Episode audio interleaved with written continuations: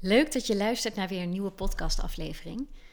Het heeft even geduurd. Ik ben namelijk heerlijk op vakantie geweest naar Schotland. Samen met hele dierbare vrienden van ons, Raisa en Erik.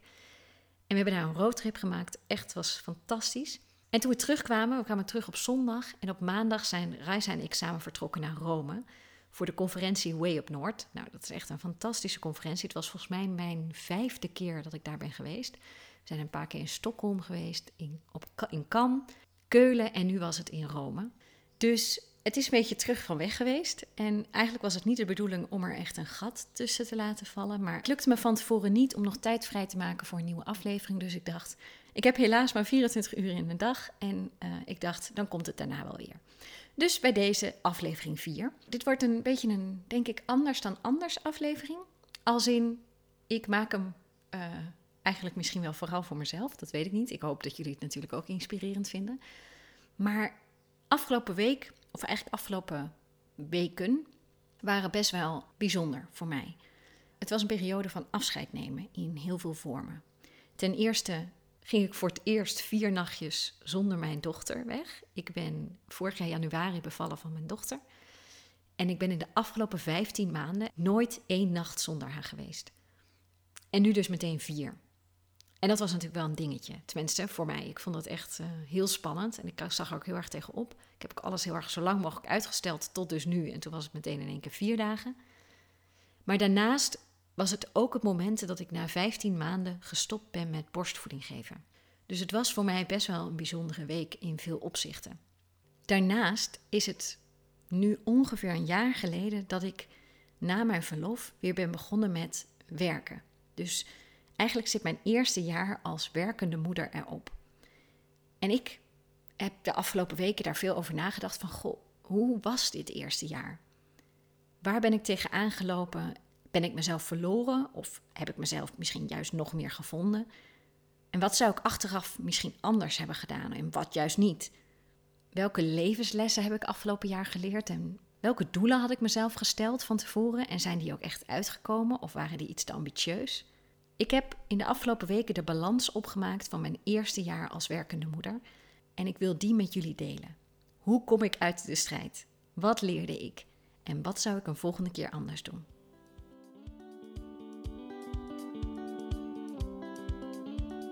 Leuk dat je luistert naar de Wianda Bongen podcast. Als je op zoek bent naar een verfrissende kijk op fotografie en het creatief ondernemerschap, dan zit je sowieso goed. Ik ben fotograaf, geef cursussen, mentortrajecten en ik krijg maar geen genoeg van persoonlijke ontwikkeling. Hier deel ik flarden uit mijn leven, mijn soms wat uitgesproken visie op fotografie en mijn leerweg als creatief ondernemer.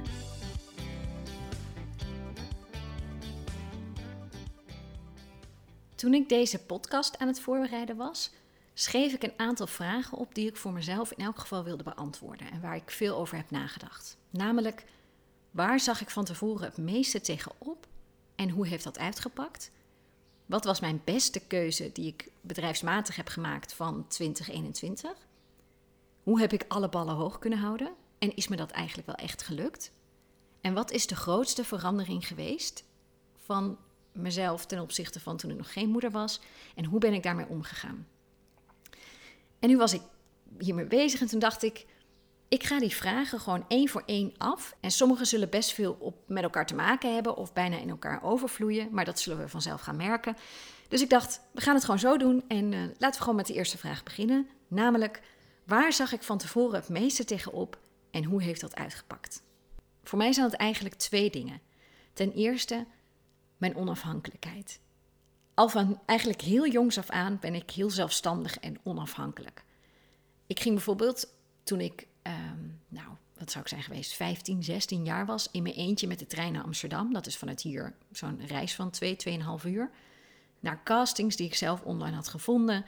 Ik deed audities voor uh, commercials, voor films, voor wat dan ook. En dat deed ik al heel jong gewoon alleen. Ik wist al heel jong ook wat ik wilde dragen, hoe ik eruit wilde zien. Ik ging ook het liefst gewoon alleen winkelen, zodat ik zelf kon bepalen waar ik naartoe ging. Maar ook tijdens bijbaantjes wilde ik zo onafhankelijk mogelijk zijn van mijn collega's of van mijn baas. Dus ik zorgde altijd dat ik zoveel mogelijk wist, dat ik mezelf een beetje vrij speelde daarin, dat ik gewoon een soort van de touwtjes in handen had. En dat ik een beetje kon bepalen, voor zover dat natuurlijk kon binnen de functies die ik had, eh, hoe en wat. Ik denk dat dat ook de reden is dat ik uiteindelijk zelfstandig ben geworden. Omdat dat me gewoon het beste past. Gewoon mijn eigen koers varen. Die onafhankelijkheid, dat past heel erg bij mij. Maar ik ging natuurlijk nu van een soort vrije vogel naar vaste werkdagen, schema's, planningen. Een dochter waar die volledig afhankelijk van mij was. En ik had geen idee hoe dat zou zijn, hoe dat zou gaan. Kon ik dat? Kon ik die vrijheid zo makkelijk loslaten? Die onafhankelijkheid die zo belangrijk voor mij is. En ik denk dat ik dat wel een van de moeilijkste dingen vond. Dat ik van alle vrijheid om te werken wanneer het goed voelde, wanneer ik zin had, echt te gaan naar een aantal vaste dagen per week. En verder gewoon alleen wanneer zij bijvoorbeeld sliep. Ik had van tevoren sowieso daar niet echt een, een beeld van geschetst. Ik had ook geen planning of geen idee hoe ik dat moest gaan doen, omdat ik gewoon niet wist wat ik kon verwachten. Ik ben eigenlijk gewoon maar een beetje in het diepe gesprongen en ik ben gaan proberen. En ik heb mezelf wel heel erg de ruimte gegeven van, ik moet het maar gewoon gaan zien. Gewoon met vallen en opstaan moet ik een, mezelf een soort nieuw ritme gaan aanmeten, waar ik me goed bij voel, maar waar vooral ook mijn gezin en natuurlijk met name mijn dochter goed op gaat. Sowieso omdat natuurlijk mijn dochter volledig afhankelijk van mij was en ik van haar. Ik kon echt niet zonder haar. En ik had gewoon die eerste drie kwart jaar echt nodig om gewoon te wennen aan de nieuwe versie van mezelf. Aan de nieuwe dynamiek bij ons in huis.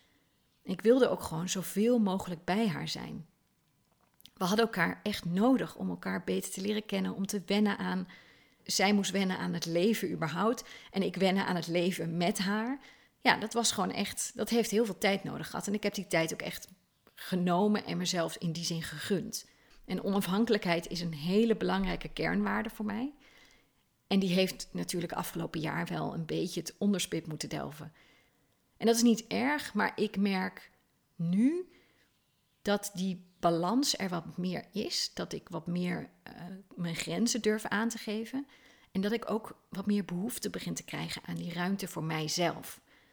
En voor mij is dat wel heel erg met mate, want ze is nog zo klein en ze heeft me dat merkte ik ook toen ik in Rome was. Ze heeft me nog zo nodig.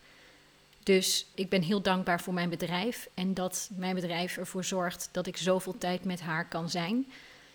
En ik hoop dat dat nog lang niet voorbij is. Ik bedoel, ze gaat over drie jaar naar school. Dan moet ze hele dagen van me weg. En tot die tijd hoop ik eigenlijk mijn leven zo te kunnen inrichten dat ik zoveel mogelijk bij haar ben. Want dat maakt me gewoon het allergelukkigst. En ik heb het idee dat het haar ook heel gelukkig maakt tweede ding waar ik best wel tegen opzag van tevoren was mijn werk-privé-balans. Die was altijd al, dat was altijd denk ik al best wel een struikelblok. Want ik hou van mijn werk en ik kan me daar dus heel makkelijk in verliezen. Voor mij is mijn werk niet zomaar werk. Mijn werk is niet iets wat ik doe puur om bijvoorbeeld geld te verdienen, wat voor sommige mensen misschien wel zo is. Mijn werk is mijn passie. En mijn werk draagt voor een heel groot gedeelte ook bij aan mijn geluk. Ik word oprecht gelukkig van wat ik mag doen. En dat vond zowel ikzelf als zeker ook mijn omgeving best wel spannend. Kon ik die balans vinden? Zeker omdat ik daar dus eigenlijk altijd al best wel veel moeite mee heb gehad, omdat ik zo hou van mijn werk. Eind april, begin mei ben ik weer begonnen met werken. En ik had twee gelukjes. Ten eerste, ik ben natuurlijk eigen baas, dus ik kon het heel langzaam op gaan bouwen. Zij ging bijvoorbeeld eind mei pas voor het eerst naar de opvang en dan eerst één dag in de week. En vanaf augustus twee dagen. Dus we bouwden alles heel langzaam op. Ik kon gewoon werken in haar slaapjes. Ze sliep toen nog drie keer per dag. En dat is natuurlijk de luxe van eigen baas zijn. Dat je gewoon zelf kan bepalen hoe je weer gaat beginnen met werken. Maar waar ik ook heel veel geluk mee had, tussen haakjes, want het was ook heel erg pittig, was dat door corona een heel groot deel van mijn huwelijken naar mijn verlof eigenlijk niet door konden gaan. Dus ik had heel rustig de tijd om, om langzaam te wennen aan het nieuwe ritme. Dat was heel fijn. Maar begrijp me niet verkeerd, want die balans is echt afgelopen jaar meer dan eens zoek geweest. Zeker toen ik op een gegeven moment 14 bruiloften in eigenlijk 2,5 maand tijd moest gaan fotograferen. Ja, dat was gewoon van de zotte. En dat is sowieso al heel pittig. Maar helemaal als kerstverse moeder, met soms nachten waarin ik maar drie uurtjes slaap had. Ik heb bijvoorbeeld tot een maand geleden had ik geen nacht doorgeslapen. En dat ruim een jaar. Het hakte er voor mij gewoon echt heel erg in. Dat heeft me heel veel energie gekost. En eigenlijk ben ik vorig jaar vooral heel erg bezig geweest met gewoon dat wat er stond. Zeg maar met de bruiloften die er stonden, de reportages die liepen, de coachingstrajecten die ik had staan.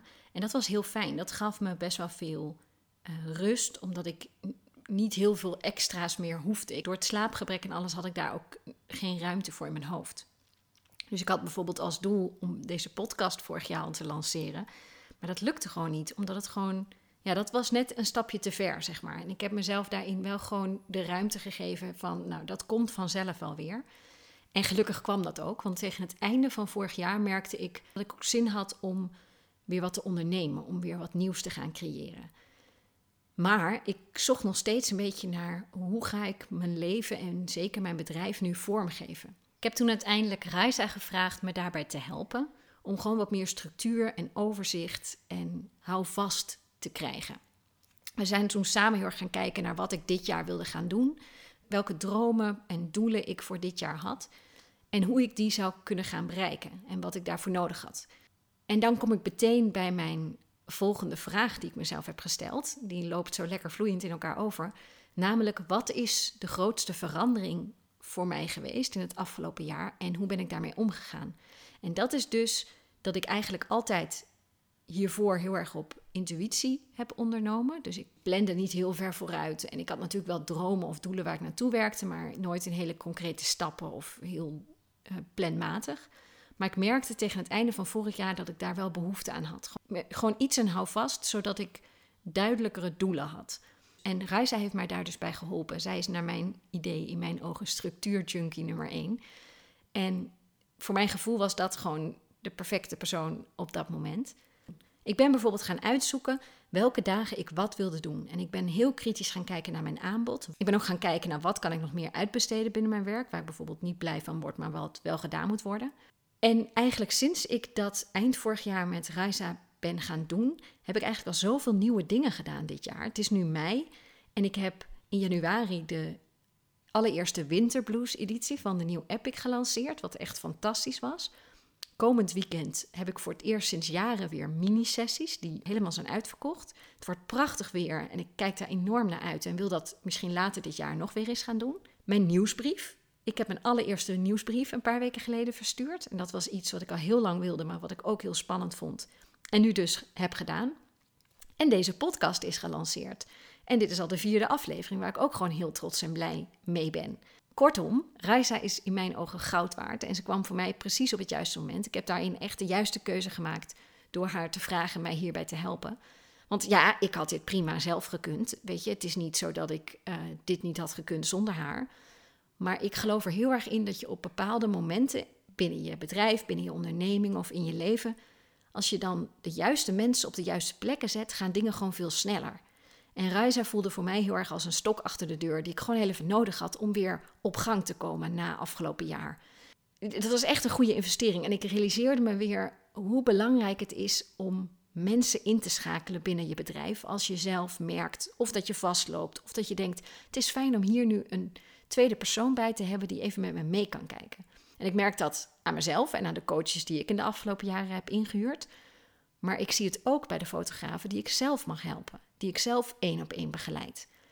Door samen met hen bepaalde keuzes te maken en door dat met iemand te doen die in je gelooft en die je helpt, maar die ook kritisch durft te zijn als dat nodig is, zet je vele grotere stappen dan wanneer je alles zelf moet uitzoeken. En nu ben ik eigenlijk onbedoeld al bij mijn volgende vraag beland. Namelijk, wat is in het afgelopen jaar op zakelijk gebied de beste keuze geweest die ik heb gemaakt? En dat zijn voor mij die één op één coachingstrajecten die ik aanbied. Daar ben ik eigenlijk na mijn verlof, volgens mij heb ik mijn eerste coachingsessie 2 mei of zo gegeven. Dus dat is echt, ik was net weer begonnen. Ik had van tevoren niet bedacht dat ik er zoveel plezier en voldoening uit zou halen. Tuurlijk had ik gedacht dat ik het leuk zou vinden, anders ga je het überhaupt niet doen. Tenminste, ik niet. Maar het is iets wat, waar ik achter kwam wat zo goed bij mij past en me ook oprecht zo ontzettend gelukkig maakt. Het gaf me echt nieuwe energie. En nog steeds, want ik doe het natuurlijk nog steeds. En dat is echt by far mijn beste keuze van 2021 geweest. Ik heb, het enige waar ik wat moeite mee heb is de titel coach. Want dat wordt voor mijn gevoel heel snel ergens opgeplakt. En ik zie mezelf niet als een coach. Kijk, ik wil het heel graag zijn, die coach, voor de mensen die ik tot nu toe mag helpen. Maar ik zie mezelf niet als een coach. En ik vind de titel coach, ja, iedereen is tegenwoordig een coach. Ik, ik voel hem niet zo daarin. En ik zie mezelf niet zo als ja, ik, daar struggle ik een beetje mee. Maar ik vind het wel echt fantastisch dat ik mensen één op één mag begeleiden en een stukje met ze mee mag lopen binnen hun bedrijf. En dat ze ook mij dat vertrouwen hebben gegeven. Zeker die vrouwen die vorig jaar als eerste zijn ingestapt en eigenlijk geen idee hadden wat ze konden verwachten. Ze hadden volgens mij allemaal één overeenkomst. En dat was dat ze allemaal mijn online cursus de Nieuw Epic hebben gevolgd. En dat ze daar dus blijkbaar heel enthousiast over waren.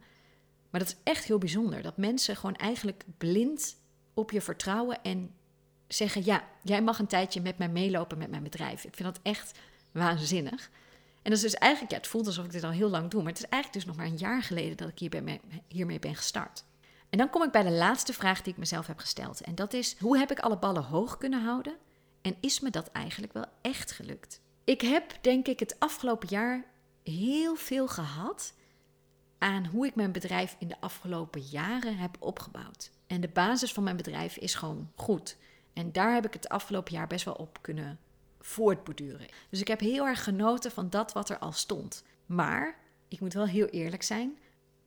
Als ik terugkijk op afgelopen jaar, dan ben ik voor mezelf veel te streng geweest. Want ondanks dat ik mezelf natuurlijk heel erg de ruimte heb gegeven om gewoon maar eens te gaan kijken wat ik nodig zou hebben komend jaar en hoe het, hoe het zou gaan, ben ik eigenlijk af en toe echt als een soort bulldozer doorgeraasd. Ik heb soms echt bijna jankend ergens in een bezemkast op een bruiloft zitten kolven. Ik heb bruiloften van 16 uur gedraaid op amper twee uur slaap. Ik heb soms tot diep in de nacht doorgewerkt om al mijn zelfbedachte deadlines te halen. En ik heb mezelf gewoon echt letterlijk veel te vaak weggecijferd omwille van mijn klanten of omwille van mijn gezin. En deels is dat dus denk ik te wijden aan dat werk-privé-balans gedeelte, dat ik mijn werk gewoon echt ook onwijs tof vind. Maar het komt ook doordat wanneer ik iets wil of me iets bedenk, moet het eigenlijk gisteren al gebeurd zijn. En daardoor ben ik mezelf af en toe wel een beetje voorbij gerend. Mijn sociaal leven is bijvoorbeeld ook best wel klein geworden. Ik denk dat dat bij de meeste mensen, ja, misschien ook niet, eh, maar in mijn geval laat ik het eh, op mezelf betrekken. Ik, kom er gewoon, ik ben er heel erg achter gekomen wie uiteindelijk, wie er ook blijven als het, de intensiteit van het contact, zeg maar, tijdelijk vermindert. Dat was echt in mijn geval zo. Ik was druk met mijn werk, ik was thuis druk, we zaten midden in die verbouwing. Ik kon er gewoon niet zo heel veel bij hebben. Dus ik heb best wel veel keuzes gemaakt om gewoon alleen te zijn als ik die tijd had. En ik had die tijd echt nodig, dat alleen zijn, om op te laden. Dus ik zag of sprak niet heel veel mensen. En ik ben van nature al best wel graag op mezelf. En ik laat ook gewoon het beste alleen op, dus niet in gezelschap. En dat ben ik me eigenlijk afgelopen jaar nog meer gaan realiseren. En ook nog meer gaan accepteren. Dat dat gewoon is wie ik ben. Daardoor ben ik voor mijn gevoel dichter dan ooit bij mezelf komen te staan. Ik geef veel beter mijn grenzen aan en ik kies veel sneller voor mezelf.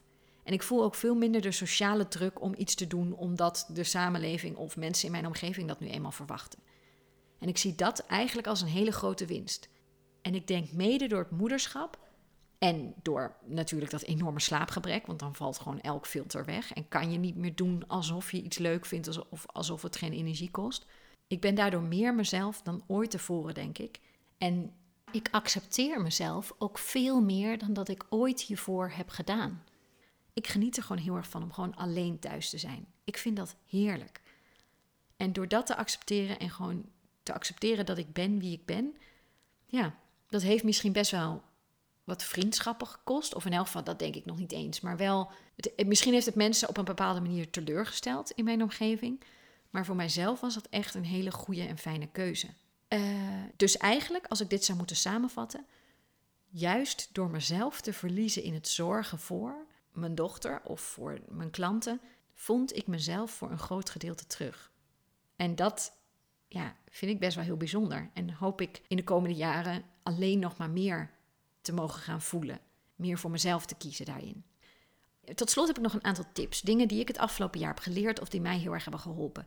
Ten eerste werkt het voor mij heel erg om eh, bepaalde vaste dagen gewoon alleen thuis te zijn. In het begin, vorig jaar, deed ik dat dus niet. Dus plande ik eigenlijk elke dag dat mijn werkdag was, wel afspraken in. En soms twee of meerdere afspraken op een dag.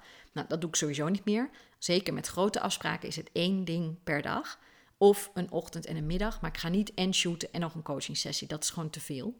Maar ik heb bijvoorbeeld ook één dag in de week dat ik gewoon dat mijn dochter naar de opvang is en ik thuis ben om gewoon thuis te werken. En dat vind ik heerlijk. En dat geeft mij ook weer precies eigenlijk wat ik hiervoor al zei, heel veel energie. Ik heb gewoon die tijd alleen nodig. Daarnaast helpt het mij heel erg om mijn grenzen te bewaken en ook echt streng te bewaken. Om vooruit te plannen in mijn agenda en gewoon echt op te schrijven: oké, dan heb ik die bruiloft. Dan ga ik de preview editen. Dan uh, ga ik een selectie maken, de volledige edit doen.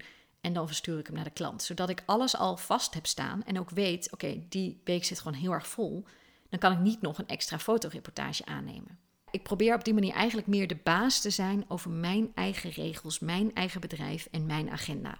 Daarnaast, en dat deed ik al wel langer, maar dat is ook echt een tip, uitbesteden wat je geen energie geeft. En dat kan natuurlijk binnen je bedrijf. Je kan een VA inschakelen om je mail te doen, je kan je edit uitbesteden, weet ik veel wat allemaal. Maar voor mij was bijvoorbeeld een hele grote winst een schoonmaakster. En die hebben we al heel wat jaren nu. En dat vind ik zo fijn. Het is zo fijn om iemand te hebben die gewoon af en toe de boel even schoonmaakt. Maar bijvoorbeeld, het zou ook kunnen zijn HelloFresh pakketten. Gewoon als een soort dat je even niet hoeft na te denken over wat je gaat koken. Of dat je je boodschappen thuis laat bezorgen. Gewoon dat soort kleine dingen kunnen je zoveel energie besparen. Dat is wat het dan eventueel extra kost, denk ik, dubbel en dwars waard. En het verdient zichzelf ook gewoon terug. De volgende tip is: doe het op jouw manier. In jouw eigen tempo en op jouw voorwaarden. Ik ben bijvoorbeeld vorige week dus naar Rome gegaan en voor het eerst vier nachtjes zonder Reza. En ja, dat was rot. Dat was ontzettend moeilijk. Ik ben sowieso slecht in afscheid nemen, dus ik heb staan janken op straat.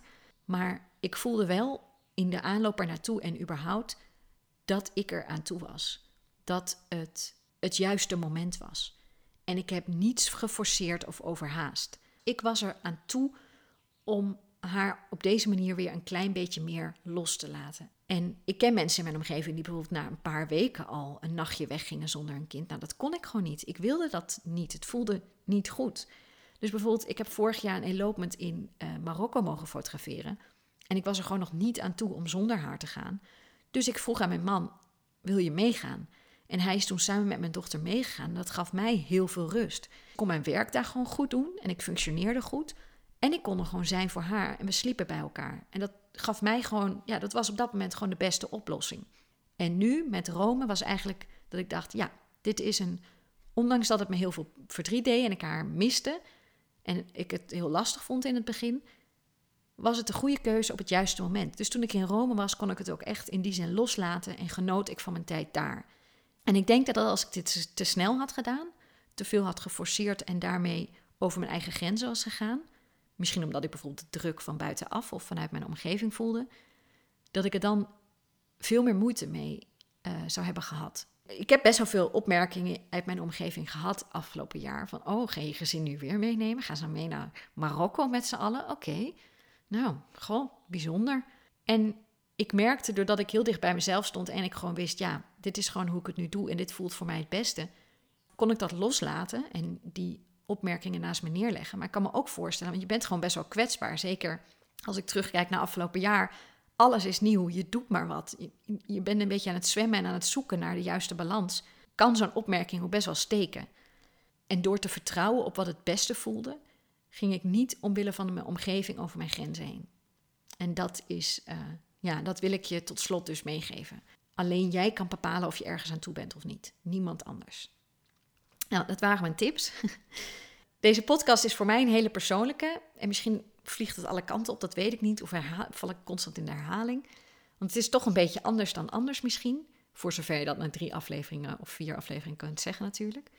Maar doordat deze week zo bijzonder voor mij was met het afscheid nemen van borstvoeding na 15 maanden, het afscheid nemen van onafscheidelijk samen na vier nachtjes zonder haar, ja, ik sluit eigenlijk een soort hoofdstuk af, ook met deze podcast. En ik ben ondertussen alweer druk aan het schrijven aan mijn nieuwe. Ik vond het leuk om jullie daar een beetje mee te nemen, want het heeft me laten inzien dat het nog lang niet perfect is. Maar het heeft me wel doen beseffen dat ik trots mag zijn op de keuzes die ik afgelopen jaar heb gemaakt, hoe ik het afgelopen jaar heb gedaan en op waar ik nu sta. Ja, ik vond het leuk om op deze manier daarop terug te kijken. Dus als je het tot hier hebt volgehouden, bedankt voor je tijd en aandacht. En ik hoop natuurlijk weer tot de volgende.